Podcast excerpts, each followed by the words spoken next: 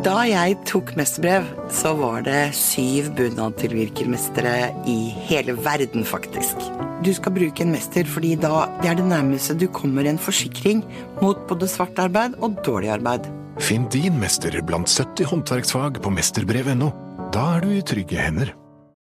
Du lytter til Ukraina-podden fra Nettavisen. Jeg heter Anders Lone Fosse, og jeg er journalist i Nettavisen. Jeg heter Jørn Sønn Henriksen. Jeg er Ukraina-spaltist i Nettavisen og leder av Norsk-ukrainsk venneforening. Det er 634 dager siden Russland gikk til en fullskala invasjon av Ukraina, og dermed eskalerte krigen som har vart siden 2014. Og i løpet av de drøyt 600 dagene så har det jo skjedd veldig mye. Blant annet så har det kommet en del eh, sanksjoner mot Russland. Det har kommet flere og flere og flere. Eh, det er ganske uoversiktlig hele greien, og derfor så er vi veldig glad for å ha besøk av eh, en av Norges mest erfarne rådgivere innenfor landrisiko og politisk risikohåndtering. Tidligere til NO-topp eh, Erlend Bollmann Bjørtvedt. Velkommen til oss. Takk, takk. Også grunnlegger av analyseselskapet Korisk. Og hva Korisk er for noe, hvis du ikke har hørt om det før, det skal vi straks komme inn på. Men eh, vi begynner som vanlig ved fronten i hjørnet Avdivka. Hva Ja. er det som eh, foregår nå? Der eh, ser det ikke veldig bra ut for, uh, for ukrainerne. Eh, det bølger frem og tilbake. Det er en del meldinger om at eh, russerne bryter gjennom helt sør.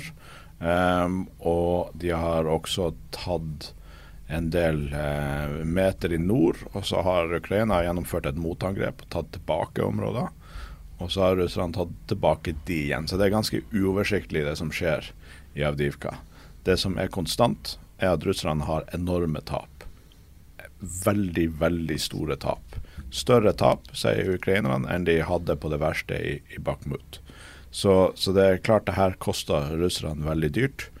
Og de tar veldig få meter. Men som vi har snakka om tidligere, måten Avdivka ligger inne i ei lomme der eh, forsyningslinjen er veldig sårbar, så skal det ikke så mye til for at situasjonen blir uholdbar for, for Ukraina. Så, så det er en ganske kritisk situasjon eh, der akkurat nå. Ja, for du blir ikke overrasket hvis vi feirer jul med et av Divka som ligger i russiske hender? Eh, nei, blir ikke overraska, men blir heller ikke overraska hvis ukrainerne eh, klarer å holde. For at det er litt sånn nå at jeg tror Ukraina gjør vurderinger om hvor mye styrker de skal sette inn for å holde Avdivka. Jeg, jeg tror kanskje de er i stand til å gjøre det hvis de velger å, å flytte styrker dit, men det vil gå utover andre frontavsnitt. Og akkurat det ser vi nå på det som vi har kalt hovedfronten ved Robotynje ved Zaporizjzja-fronten i sør. Der har det vært, det har vært harde kamper, og Ukraina har utvida det her eh, den her eh, lomma de har lagt ut til siden, østover og vestover. Ikke så veldig mye. Så kan jeg ikke si at det skjer noe sånn veldig spennende der. Men det en del russiske telegramkontoer klager over, og også ukrainsk etterretning bekrefter det samme, er at russerne har flytta en del av sine, eller en betydelig andel av sine reserver fra den fronten til Avdivka. Og det gjør at de kan ikke rotere styrkene sine eh, lenger. Og det gjør at de styrkene som russerne har, eh, som, eh, som beskytter Novoprokopivka og, og Ferbove, de sliter. De, de blir veldig utmatta. At det fører til et gjennombrudd, det, det, det er usannsynlig, men, men vi merker i hvert fall at det koster russerne også på andre fronter eh, at de gjør de her angrepene med Avdivka. Men er dette noe som gjelder ukrainerne også? For vi har fått et lytterspørsmål fra Atle, og han tar jo frem det, denne her eh, fremrykningen sør for Kherson, altså elvekrysningen. Ja. Um, han spør for det første om det er et gjennombrudd, det vi ser her nå. Det kan du jo svare på også, men han spør jo om dette vil gå på bekostningen av dette med å forsvare Avdivka. Vi hørte jo Peter Frølich når han var gjest her for uh, kort tid siden. Så hadde han jo snakket med soldater fra Kherson-området som hadde blitt sendt opp til Avdivka for å forsvare Avdivka. Ja. Og det er klart, det, her, det er mye av det her eh, krigføring over tid og sånn utmattelseskrigføring som vi har i Ukraina nå, går ut på. Det er hva, hva kan du få til med hvor lite styrker.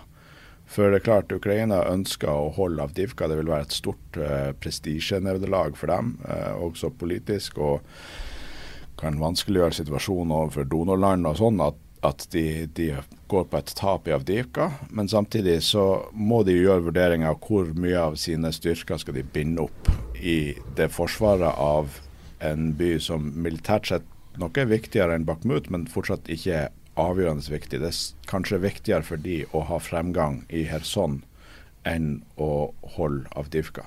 Så det er en sånn type avveining som de gjør nå, så det er et veldig sånn, betimelig spørsmål da han Atle stiller. I, I Kherson så er det mye rapporter om framgang. Eh, vi vet ikke hvor mye det er, men russerne er ikke veldig godt satt opp for forsvar der. De har de fleste av sine styrker ved Zaporizjzja-fronten og Avdivka, og, og lengre nord, der de også gjennomfører en del angrep. Så vet vi også at terrenget her er litt krevende. Det er ikke flatt og hardt. Det er mye elvedelta og, og myrlandskap og, og sånn, så det, det, er ikke et område der det er lett å drive med rask fremrykning. Men så sier også ukrainerne at de har eh, lagt sånn eh, informasjonslokk på det som skjer nå, sånn at de heller kan eh, komme med veldig gode nyheter om kort tid. Så hva det betyr, det vet vi ikke. Men det er stadig mer ting som tyder på at ukrainerne virkelig satser i Kherson. At det ikke er bare for å trekke russiske styrker inn dit. Også, selv om selvfølgelig forsvarslinjen der er jo ikke av samme kaliber som lengre øst, der ukrainerne har stitt med av fremgang. Men AFP hadde jo eh, forrige uke eh, en journalist i området som eh, snakket med ukrainske soldater i forbindelse med den elvekrysningen. og Der var det en av soldatene som er sitert på at russerne er godt forberedt. De har solide forsvarslinjer. Det er ikke lett, men dette er vårt hjemland, og vi kjenner terrenget, sier en av de. Eh, så det er jo ikke Selv om forsvarslinjene er mindre omfattende, så er det jo fremdeles De er jo til stede. Um, og det er en annen soldat som sier at det finnes prorussiske informanter blant uh, lokalbefolkningen. Og um, det er veldig interessant. Vi publiserte den i går. Han ligger fremdeles på forsiden av Nettavisen. Uh, søk på Nettavisen og Dnepr, mm. som de kaller den elven for uh, NTB. Og så finner man mer om det. Og også at de har en, en hund som de har reddet fra en av disse øyene eh, som eh, nå fungerer som et slags alarmsignal. For det at når det nærmer seg droner Altså denne hunden er livredd for droner. Ja. Så når det nærmer seg en russisk drone, så uh, flykter den av gårde. Så den har, har faktisk en ganske viktig funksjon. Og da er det også en av disse soldatene som sier at russerne har flere droner enn de ukrainske eh, soldatene, og at han er sikker på at de blir fulgt med akkurat nå, sier han. Altså mens han snakker med journalisten. Ja. Det med hunder og dyr er litt sånn ja, Vi har vært en runde i media nå om sammenligning av viktigheten av dyr og mennesker, og, og det blir litt dumt, syns jeg. Men, eh, men, eh, jeg har vært eh, podkastutro og hørt på andre som snakker om Ukraina også. Veldig lov. Ja.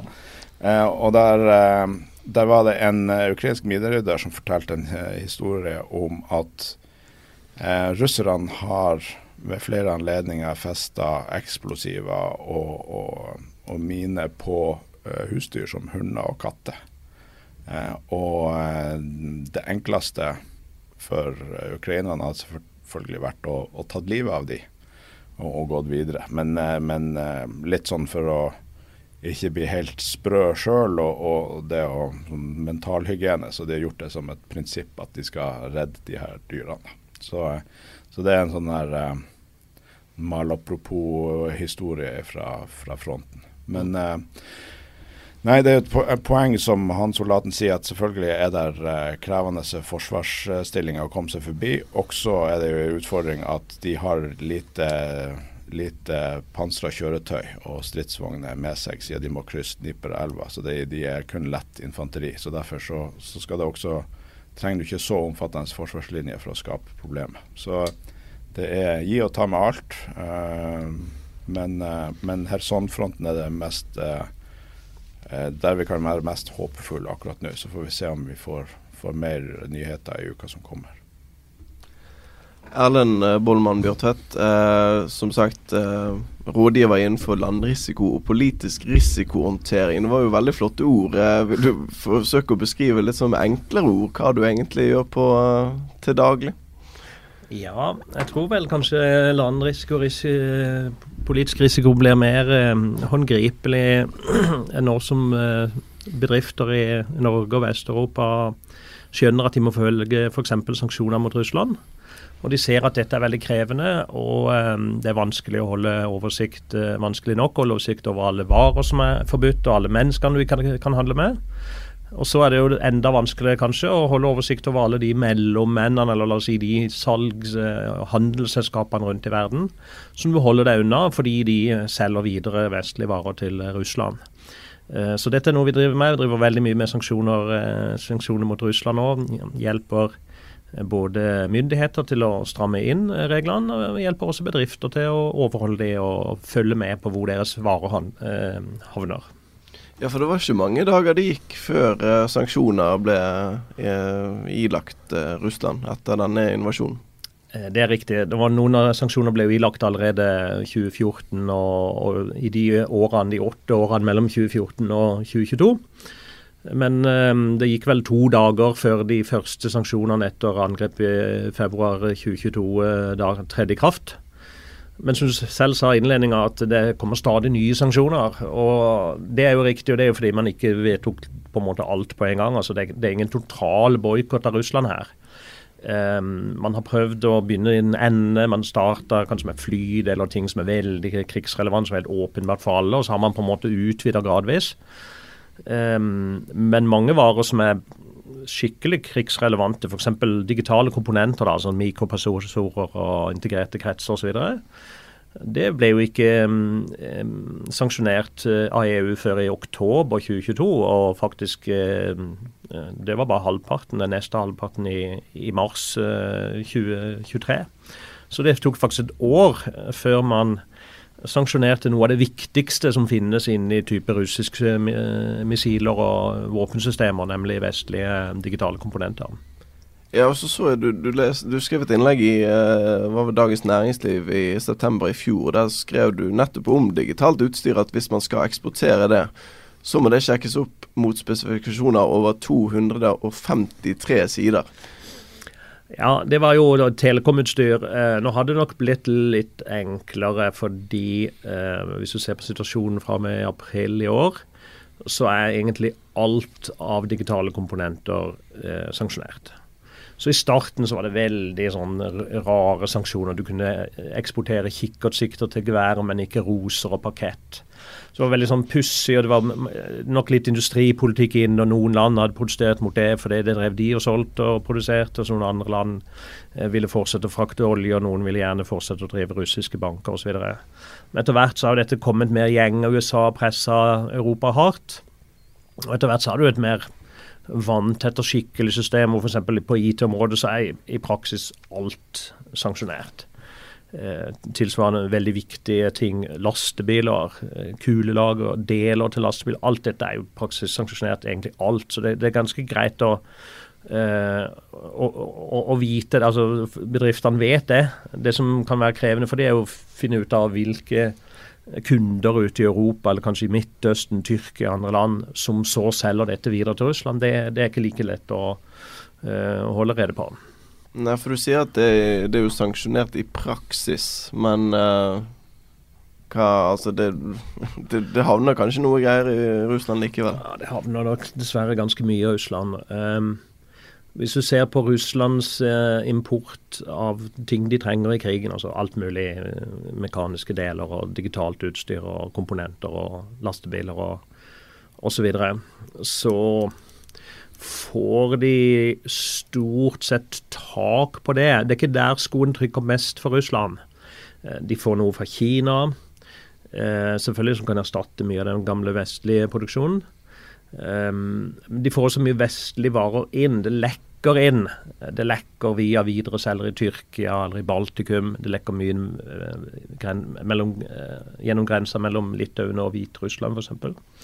Det er et stort hull for så vidt i sanksjonene at du kan selge du kan selge ting som er sanksjonert i Russland, så kan du jo selge til Hviterussland uten at det er sanksjonert. og Dermed skjønner jo alle hvor det havner. ikke sant? Så det er en del sånne hull. Men det som er nok eh, det er nok ikke der sanksjonene har mest effekt eh, overfor Russland. Det er jo på måten de eh, struper eh, Russlands inntekter. Uh, hvordan de ødelegger valutaen til Russlands økonomien litt sånn, Du kan si det er en litt sånn langsom koking da, Russland. Istedenfor liksom sanksjoner sånn som Sør-Afrika, hvor du bare sa sånn alt er forbudt. Så, så lar man litt handel fortsette, men så er, man setter Russland på litt sånn langsom koking over tid. Så blir dette veldig hardt for russisk økonomi. Valutaen deres er jo i, i realiteten eh, ferdig på mange måter, og fører jo til at uh, f.eks. importen blir kjempedyr. Eh, vi ser at importen av eh, en del krigsviktige varer nå den går ned. 2023. Mye pga. at gass- og oljeprisen også har falt, så de har jo ikke inntekter. Så Russland er veldig skjøre nå. De er helt avhengig av olje- og gassprisen. Um, det blir dyrere og dyrere å få inn disse krigsviktige varene som de trenger, vestlig teknologi. Um, det, det, blir mer og mer hassle å få det inn. Mindre som, litt mindre etter hvert som kommer inn. Dyrere for det. Um, og uh, først og fremst så, så, ser vi nå at russisk økonomi på en måte lider veldig under olje- og gassprisene og, og, ser egentlig ikke noen ende på dette. Det, det ser, sånn sett så har sanksjonene hatt, uh, hatt effekt. Mm. Så et utkast til statsbudsjett uh, til Russland her for en måneds tid siden. Og det var, det var jo selvfølgelig da naturlig nok rekordhøyt på det krigselementet av det. Også ting som jeg tror de kalte det for sosiale kostnader eller sånt. Der var det liksom der det, det virker som det går utover samfunnet, denne krigen her. Det er jo ikke så vanskelig å tenke seg til heller. Ja, det er helt riktig. Og vi har sett noen kanskje litt lette medieartikler som sier at det, som russisk økonomi går egentlig ganske bra, som det gjør den jo ikke. Nei, for det var nesten mitt spørsmål også, for det har vært veldig sånn her litt sånn time for time-analyse av russisk valuta. Så I dag så gikk den opp. det har Vesten sine sanksjoner har ingenting å si, og, og sånn, men, men, underliggende så skjer det ting, sier du. Ja, så på kort sikt så gjør de det som enhver regjering kan gjøre, og som man særlig gjør når man er i krig. Man øker statens eh, kostnader og, og pengebruken. Man, man, bruker mer enn man får inn, og, og de øker jo statsbudsjettet til, til, forsvar veldig, altså forsvarsbudsjettet. Og En grunn til at de må gjøre det, er jo at valutaen deres har falt mye. Den er jo i ferd med å, om ikke knele, så har den falt mye. Og da ble jo alle disse importvarene, disse tingene de trenger inn i våpen osv., det ble jo dyrere målt i rubler. Og I tillegg så er det slik at mellommenn i Tyrkia, Emiratene og andre steder som får disse varene inn til Russland, de skal jo ha et, et mellomlegg. ikke sant? De skal ha en profitt, og den er veldig veldig høy. Så det vi ser er jo at Russland betaler jo veldig De får inn krigsviktig teknologi, men de betaler veldig mye for den. Det er liksom det første. Så det er klart Russland som, Russlands regjering kan jo Du kan alltid blåse opp budsjettet, er egentlig det vi snakker om. Og de har selvfølgelig lav arbeidsløshet fordi mange har flykta, og mange er ved fronten. så det er ikke arbeidsløshet sånn tilsynelatende. Eh, men det er jo noen ting som eh, er veldig eksplosivt under økonomien deres. For det første er jo valutareserven deres nesten borte. Så de kan ikke forsvare valutaen eh, sin. Den er jo konfiskert i, i Vesten, halvparten av valutareserven. For det andre så de jo, får de jo ikke lån og, og, kapital fra Vesten.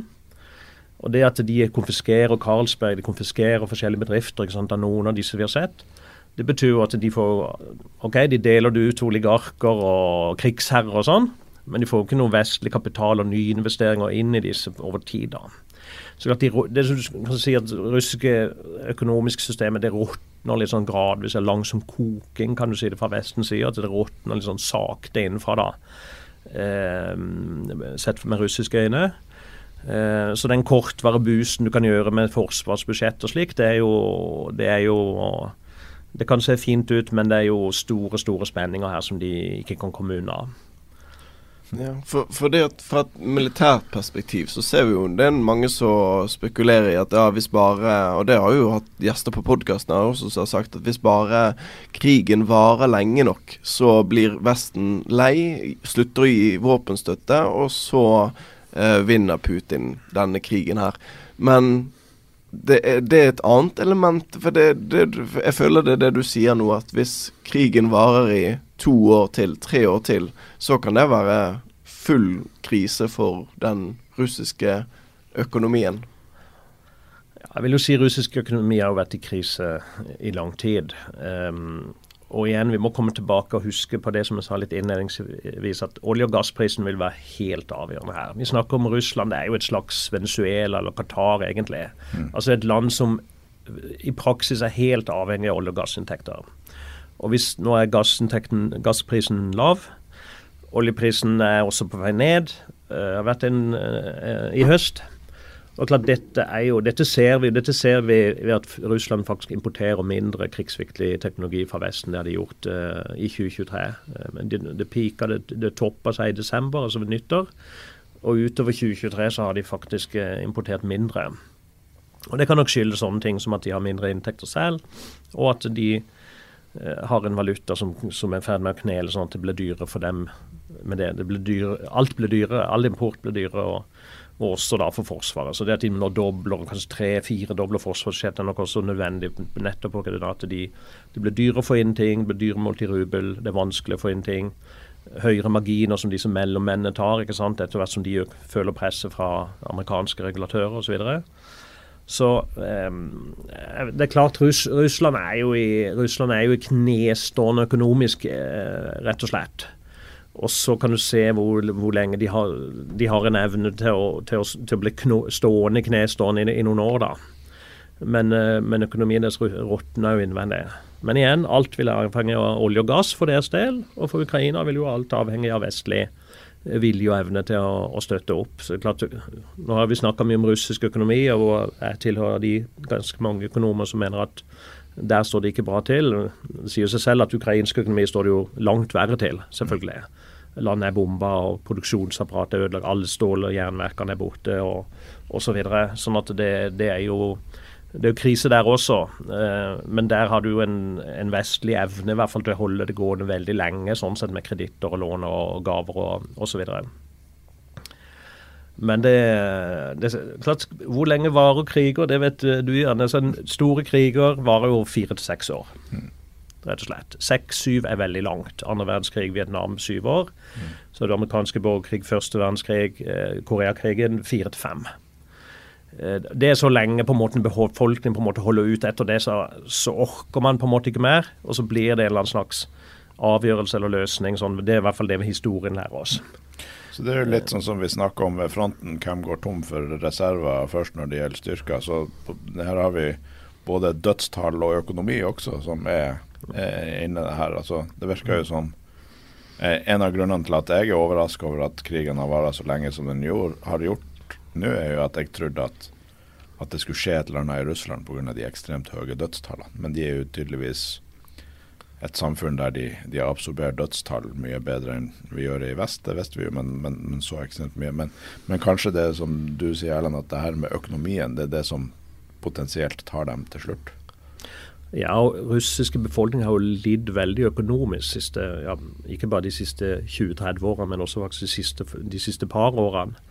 Um, og de har jo en spenning knytta til f.eks. inflasjon, da, som er jo ille for vanlige folk ting er dyrt. Så det er ikke bare for Forsvarsdepartementet at inflasjonen uh, er tøff. Men det er jo også ikke minst for, for vanlige folk, og de har høye renter, og, det, det, er vanskelig for folk. Um, det er folk som dør ved fronten, kanskje det var en familieforsørger. ikke sant? Det, var, altså det, det, er mange her som lider uh, stor økonomisk nød. Um, men um, alt i alt så, så, tenker jeg at krigen ikke, den, den, kommer Altså Russland, Russland, kan holde det gående for så vidt. Prisen er jo at samfunnet deres um, forvitrer fullstendig innenfra. Politisk, men også ikke minst økonomisk. For kostnadene her er kjempehøye. Det er det. Og det er jo kjempehøye for et land som allerede hadde store økonomiske problemer. De, de, gikk eh, i realiteten konkurs i 1998, hvor de måtte devaluere ja, samme måte som Argentina og andre land. altså de, Økonomien knakk sammen. Så har de prøvd å få tilbake eh, troverdighet i finansmarkedet etter det. Og så har de fått litt investeringer. Equinor og andre investerte der, som vi vet, eh, delvis rett før krigen. Men nå, jo, nå, de, altså nå er det jo umulig for de å få vestlig investor de neste 20 åra, spør du meg. da. For nå har de liksom virkelig vist fingeren til, til næringslivet i, i, Europa og USA. og Når du begynner å, ta, å ekspropriere og ta bedrifter, og ekspropriere alle flyene og eh, alle disse tingene, så, så eh, vil de jo ikke få noe kapital eh, igjen. Så vi bruker opp kapitalen på krigen, og så har de ikke noe igjen til å investere under og etter krigen. Valutareserven er borte. Kort sagt, det står svært dårlig til. Men det er jo en ikke bare økonomisk fritt fall, men det er på en måte en, en rettsstat i, i, fritt fall også. Et samfunn som, som liksom bandittifiseres. Er det også et element, altså ikke bare inflasjon, men, men med sånn korrupsjon og tyveri og oligarker, at det eskalerer veldig. Er det sånn at det også utarmer økonomien? Ja, det er jo helt klart. Um, og det som, tror, Ukraina burde jo sende en takkemelding til alle de russiske offiserer og planleggere og ekspedisjonssjefer som har unndratt uh, bevilgninger til Forsvaret gjennom mange mange år, og brukt det på kanskje fine viner eller slott i Frankrike eller andre ting. For klart, Her har det vært enorm korrupsjon og voldsomt på en måte, har, Pengene har lekt ut i alle retninger. og Det gjør nok det fortsatt også det er Hovedproblemet deres i dag med å, med å, å holde oppe militærkapasiteten er jo, er jo, kostnaden, rett og slett. Eh, som vi har vært inne på. Mellommennene eh, som, som, selger de vestlige varer, de tar mer og mer profitt og margin. Og, eh, og, strømmen av vestlige varer er nok også, den, den vil gå ned. Så Sanksjonene vil funke når det gjelder, når det gjelder teknologien. Du, kan si du har to sanksjoner. Du har, du har sanksjoner på en del varer Russland ikke skal få. Her er liksom digitale komponenter og PC-er og eh, kulelager og lastebiler. Det skal de ikke få. Mm. Få litt tak i litt av det. Men klart den harde sanksjonen er jo de finansielle sanksjonene. De, og de, de er, på det første etterleves de bedre, og de er ganske totale. Og når landet i tillegg har fått konfiskert og frosset hele sin eh, valutareserve, så er de egentlig på en måte bankerott. Og så kan de ikke la det gå, gå litt til. Eh, men egentlig ikke særlig lenge. Eh, eh, men jeg tror ikke at når det gjelder det med det politiske, så er jo det også en veldig viktig forskjell når det gjelder hvem som er striden. Altså hvem er det som kriger Ukraina? Russland, da, altså, den gang Sovjetunionen har jo et annet erfaring med, med, krig i, litt lenger tilbake, altså Afghanistan. Mm. Og det er jo slik at eh, I og med at eh, Afghanistan var et muslimsk land, så vegrer de seg veldig mot å la eh, sovjetiske soldater fra Sentral-Asia krige der. Mm. Fordi de jo i stor grad også var muslimer. Så det de gjorde, de sendte jo ofte gutter fra type Baltikum, Moskva, St. Petersburg, altså fra det mer europeiske området til å krige i, eh, i Afghanistan. Og det var jo veldig upopulært. Eh, de, de, var kanskje mer taleføre. Det var de som det ramma rett inn i eliten i Moskva og i, i, i byene i, i, det vestlige Russland, så å si. Mm. Mens krigen her har de på mange måter gjort det omvendt. altså Det er jo også etniske ukrainere i Russland osv. Man prøver liksom å, å, sende kanskje soldater, i hvert fall i starten, som var mest mulig la oss si, kulturelt forskjellige fra ukrainerne. Ja. Nettopp for at du skulle få denne her litt sånn hatfølelsen og ikke skulle få noe bånd eh, eller noen lojaliteter på den måten.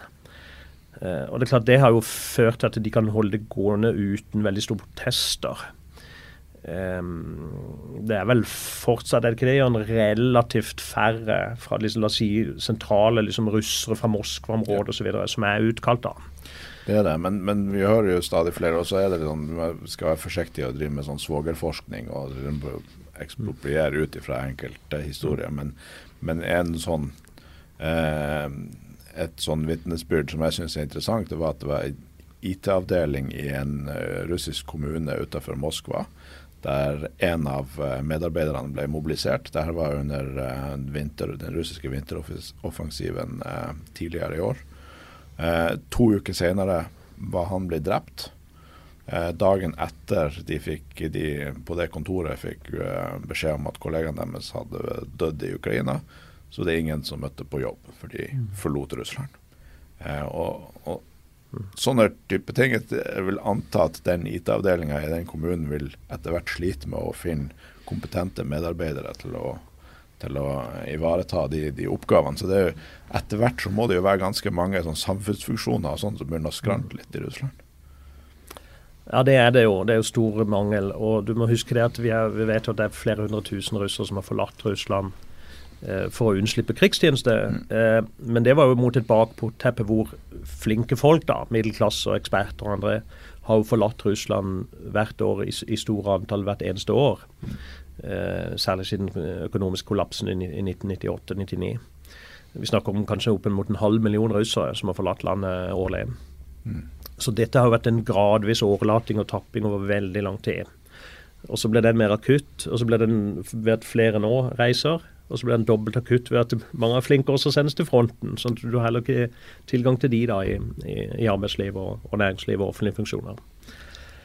Så det ser ikke bra ut. Eh, men igjen, alt vil avhenge av oljeprisen. Hvis olje- og gassprisene hvis, hvis, de nå faller betydelig. Altså hvis du nå kan unngå en sånn krig i Midtøsten, du kan på en måte få opp eh, produksjon i USA, Canada og andre steder av olje og gass, eh, og energiomstillinga i Europa faktisk blir noe av og, og skyter fart, så vil jo faktisk eh, lave oljepriser vil jo være helt ødeleggende her for Russland. Altså, det kan de ikke leve eh, lenge med. Da, på toppen av disse problemene de nå har, med at alt blir dyrere.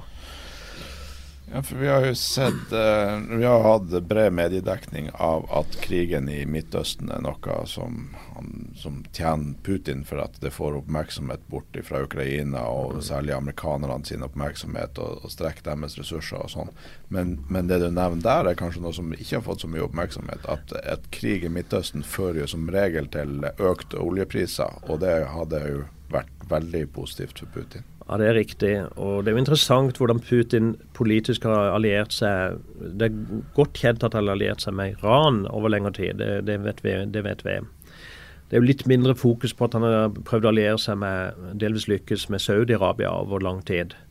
Så at Russland har jo sett den fellesinteressen de har eh, med Saudi på å ha olje, høye oljepriser.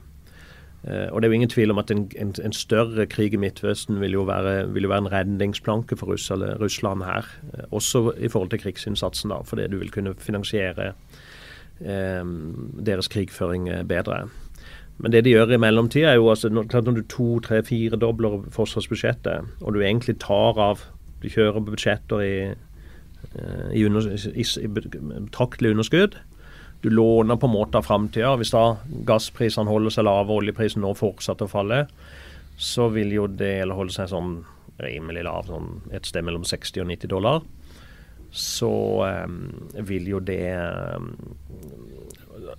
Russland er i betydelige økonomiske problemer, rett og slett. De er det. Og de, eh, og de langsiktige Det er en økonomi som vi ser på en måte Dette er litt sånn ødeleggelse minutt for minutt. Vi ser hvordan deres eh, økonomi eh, perverteres. Det er klart at Man ga bort, eksproprierte store vestlige selskaper ga det til var det nevøen til Kadyrov, mm. Eh, altså diktatoren i Tsjetsjenia. Altså, sånn, det ble et slutt sånn det blir en sånn gjeng som bare liksom fordeler ting mellom seg. Nærmest sånn slukker de lyset på slutten etter at de har etter de egentlig har spilt avlt og over styr. Jeg syns vi ser litt at det går i den retningen. Mm.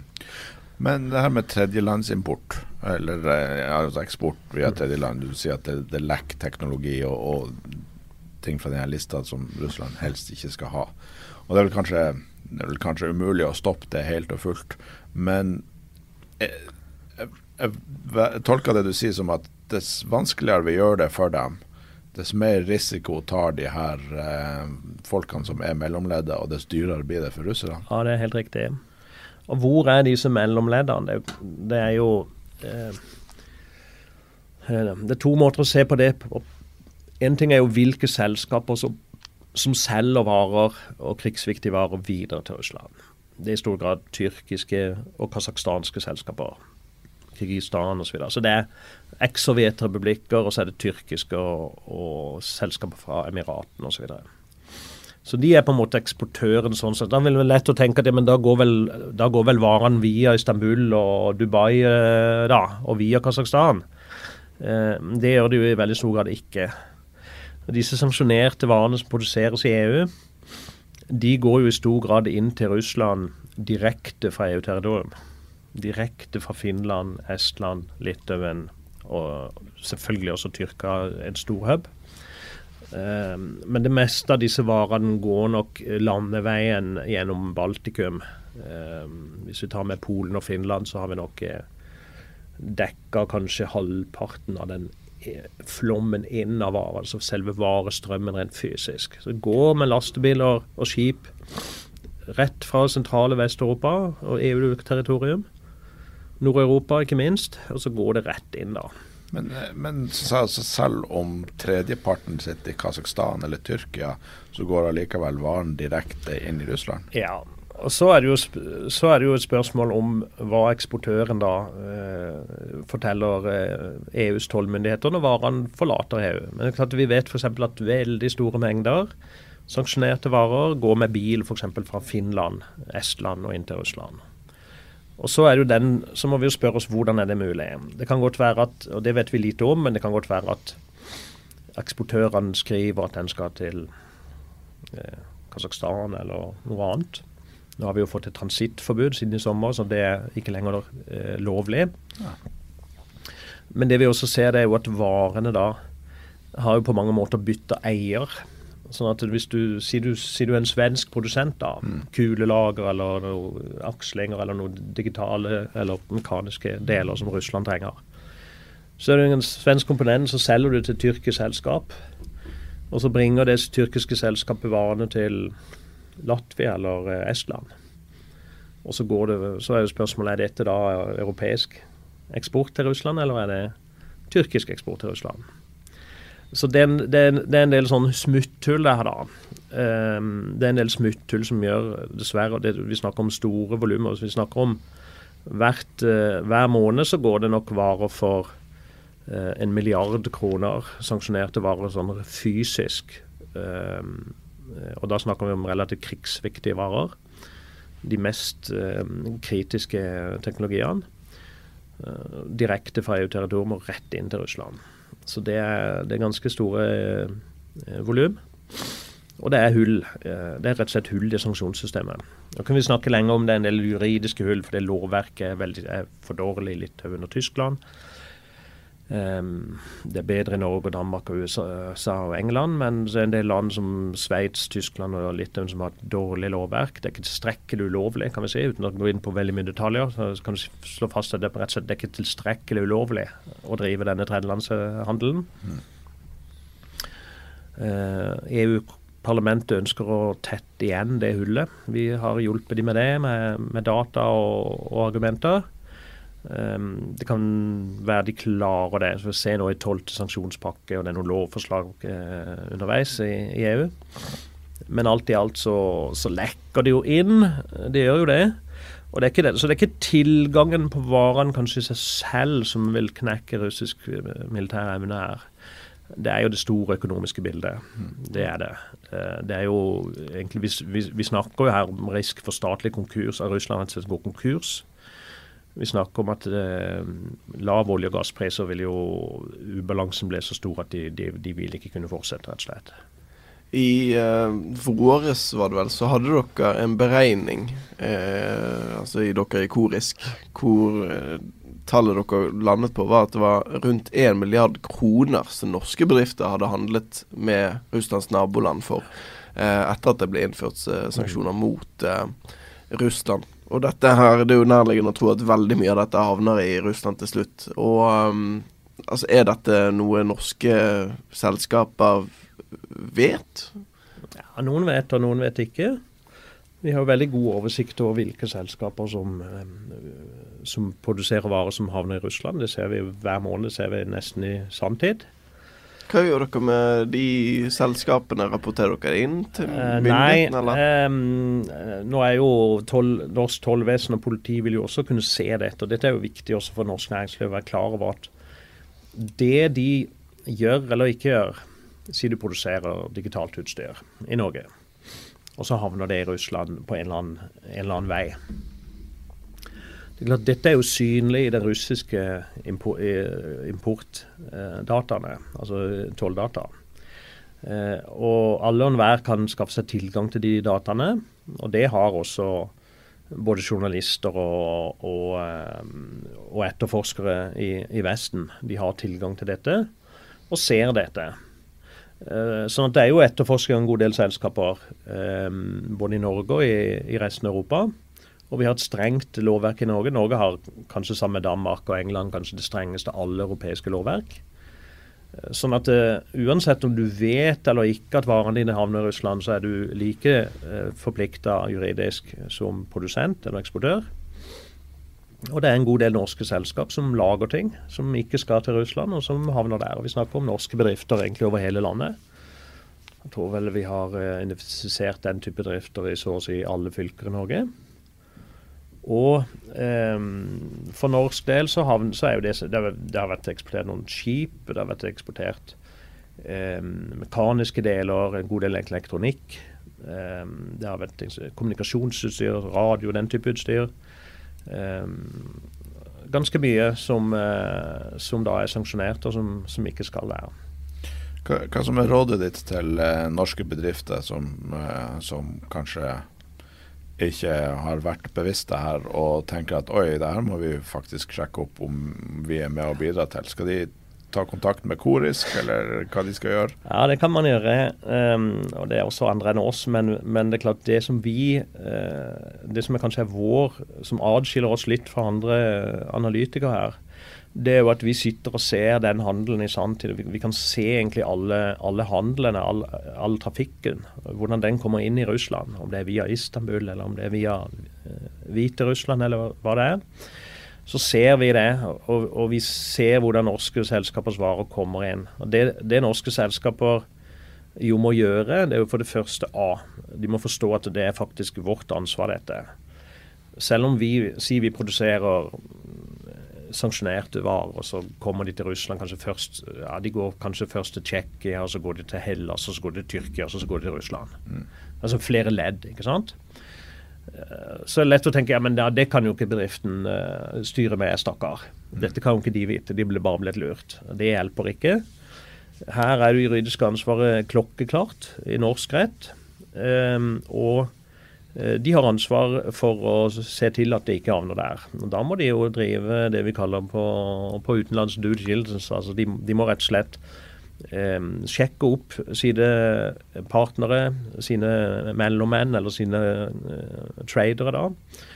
Eh, og så må de finne ut av hva disse folka driver med.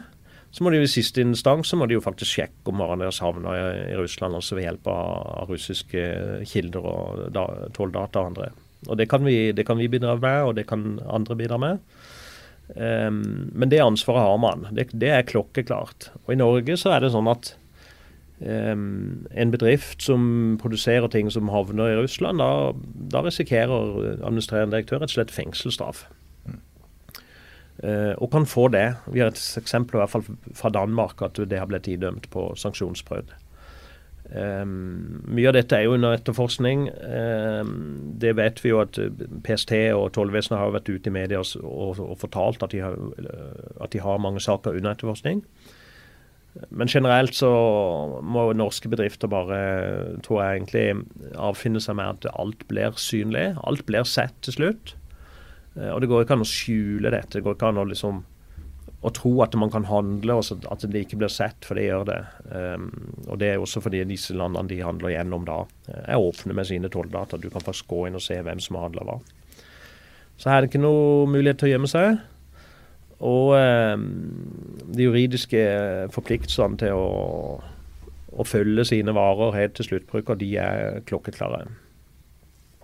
Ja, så ikke bare jeg vil si at det er ikke bare enorm juridisk risiko her også, men de har jo også et moralsk ansvar. For det er jo ingen tvil om at all, all handel med, med, Russland, men særlig sånne kritiske sanksjonerte varer, det går direkte inn på Russland sin eh, evne til å drive krigføring i Ukraina. Det gjør det.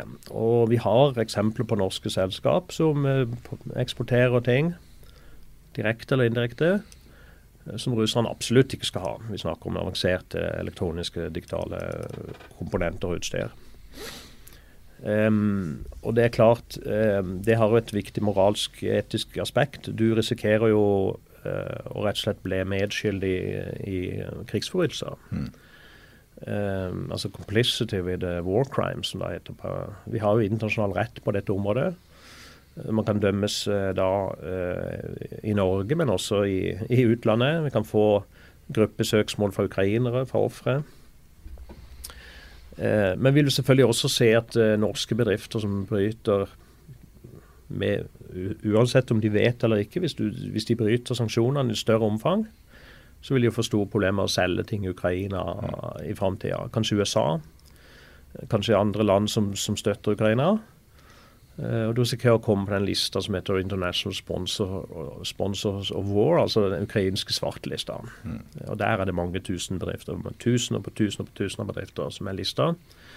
Og som ikke vil komme i betraktning ved gjenoppbygging av Ukraina osv. Mm. Det er jo et uh, internasjonalt spill, uh, dette her, Jørn. Uh, du hadde jo en kommentar her i Nettavisen i går, ja. hvor du skrev om Du skrev innledningsvis at Ukraina står overfor flere forsyningsutfordringer etter at støtten fra USA nærmest har stoppet helt opp, og at det er et enormt strategisk nederlag for USA. For ukrainerne så betyr det en lengre krig med mange flere døde, og um, for oss er det en sikkerhetspolitisk katastrofe som forhåpentligvis gir sentrale norske politikere et snev av angst, skrev du. For det er på tide å våkne opp fra den dype freden vi har drømt oss bort i. Og det resten av kommentaren, eller mye av kommentaren går jo på dette med at eh, støtten fra USA er i ferd med å stoppe opp pga. Um, Eh, skifte i lederskap der. Speaker bl.a. har blitt uh, byttet ut. Så det var en uh, Jeg elsker jo kommentarfelt å lese det. og jeg, vi, vi, la jo den ut på Nettavisen sin Facebook-side, og da var det en som skrev at uh, du går rett i Putin-fellen ved å kritisere andre enn de som startet krigen. Mm. Kanskje var det du skulle begynt i den enden. Kritisere Putin litt for å ha startet denne ja. krigen. Jeg, jeg, jeg, tror ikke du må, må vade vade veldig langt inn i mitt uh, kommentararkiv for å finne kritikk av Putin. Så jeg, jeg føler, ikke, føler ikke jeg er på underskudd der. Nei, men uh, absolutt. Det er jo uh, ingen andre enn russerne som har ansvaret for at denne krigen har skjedd. Men, men, men det er klart, vi, vi, vi har i det første året av den fullskala invasjonen snakka mye om at hvordan eh, Putin eh, feiltolka Vesten og, og, og, ikke hadde forutsett eh, hvordan Vesten skulle samle seg og, og støtte Ukraina og, sånn. Og det har jo vært riktig. Men nå ser vi at eh, det er en del slitasjeskader. Og også det at Og det har jo pågått lenge, men det amerikanske demokratiet er jo kanskje ikke så stabilt som vi skulle ønske at, eh, at det er. Altså Vi ser at det både i folket og i det republikanske parti stor støtte til Ukraina. Altså Flertallet av republikanske velgere, flertallet av republikanske folkevalgte er veldig tydelige på at USA burde støtte Ukraina. Og Likevel så funker eh, styresettet deres sånn. altså De har så voldsomt med checks and balances at nå de her, den lille utbrytergruppa med åtte republikanere har klart å få en av sine valgt som speaker, som styrer ordet i, det, i Representantenes hus. Og via det klarer å trenere USAs støtte til, til, Ukraina. Nå er den saken utsatt til, til, januar, etter juleferien. Og Det har jo potensielt katastrofale følger for Ukraina. For som Erlend snakker om her, altså den, det, det, det gir meg stor optimisme. Jeg er mye mer optimistisk etter den samtalen med Erlend her i dag enn når jeg skrev den kronikken. Eh, men Hva er det som gjør deg uh, nei, altså, det, er det er betryggende å høre at det går såpass dårlig med, med russisk økonomi, og når, når det ikke ser ut til at i hvert fall på kort sikt at Ukraina klarer et gjennombrudd på slagfeltet som avslutter krigen, så det er i hvert fall et håp om at et, et, en implosjon av, av Russlands økonomi og evne til å føre krig kan skje.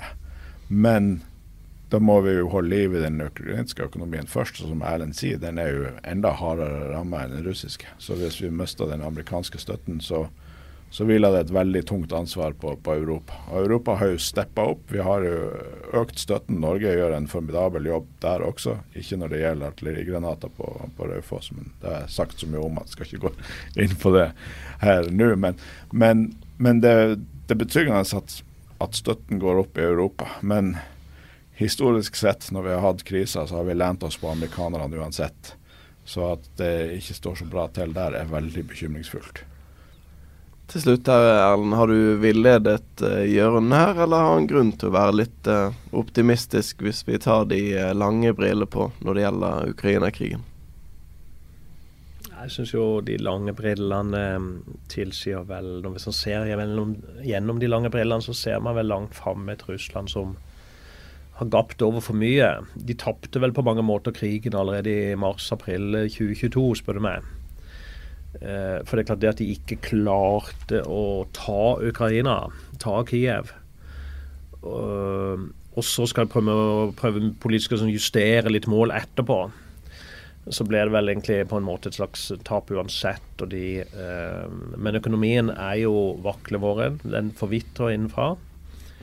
Alt vil avhenge av olje- og gasspriser. Klart får vi en oljepris på 120 dollar neste fem år, så er situasjonen helt annen, men det, vi gjør nok ikke det.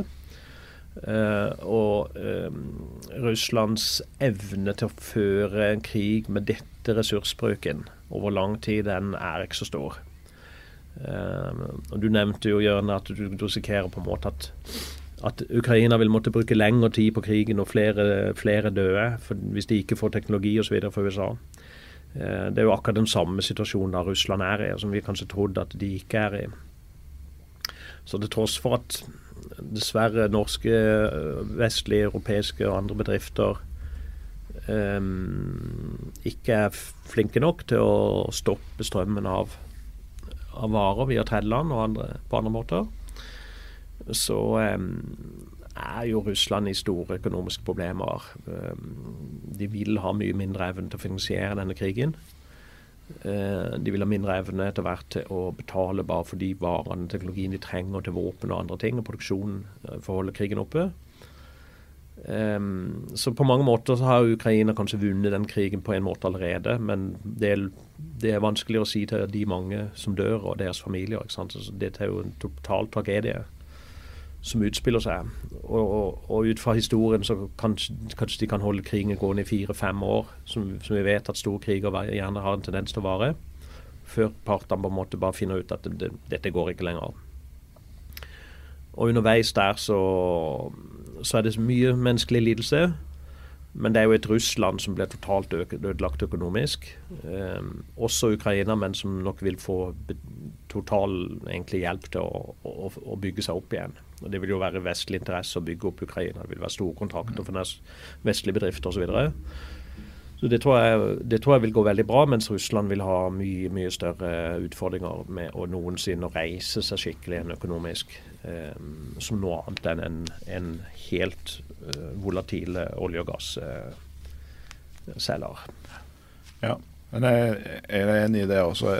Jeg er veldig interessert i hvordan det vil utspille seg. Jeg tror også at det Altså, hvis man ser stort på det, så taper jo eller Russland har på en måte allerede tapt denne her krigen. Men, men det som vil være avgjørende for Ukraina, jeg tror hva man skal kalle det, rest-Ukraina, eller det, det, territoriet som Ukraina har når krigen er slutt, kommer jo til å få en boost og få investering og, og vil få det mye bedre enn en russerne. Men, men, det er også viktig hvor mye av territoriet sitt de får tilbake. Eh, for det svekker selvfølgelig ukrainsk økonomi eh, på lang sikt å miste tilgang til Azovhavet og mange viktige industribyer. Og også den befolkninga som blir værende igjen der. Vi har hørt beskrivelser av at eh, bandittregimet som, som minner om Nord-Korea. Så, så, akkurat hvordan det her ender opp, blir jo veldig interessant. Eh, og, og eh, forhåpentligvis altså Det blir garantert tragisk, men, men forhåpentligvis minst mulig tragisk eh, um, endgame på denne krigen. Men, men uh, hvis amerikanerne klarer å finne ut av det og lande på beina og få gjennomført denne pakken på 60 milliarder dollar til Ukraina, så ser det lysere ut enn det gjør akkurat nå, i alle fall. Erlend eh, Bollmann Bjørtvedt, eh, landrisikoekspert og styremedlem i Norsk-ukrainsk venneforening, så har vi nevnt det også. Mm. Eh, tusen takk for at du eh, var innom Ukraina-podden eh, her i dag. Og senere denne uka får vi også en veldig spennende gjest. På torsdag så kommer Mahmoud Farahmad. Eh, han er stortingsrepresentant for Høyre, representerer Telemark. Men han er også veteran og, og, og tidligere soldat, og så vidt jeg vet nok den stortingsrepresentanten med mest kamperfaring. Så han kommer hit i Ukraina-podden på torsdag. Send gjerne inn lytterspørsmål på ukrainapodden at nettavisen.no. Samme farmann som har skrevet masse for Nettavisen, så det Ja, er nok et kjent uh, fjes og, og navn for våre lyttere. Er også en veldig dyktig spaltist, stemmer det.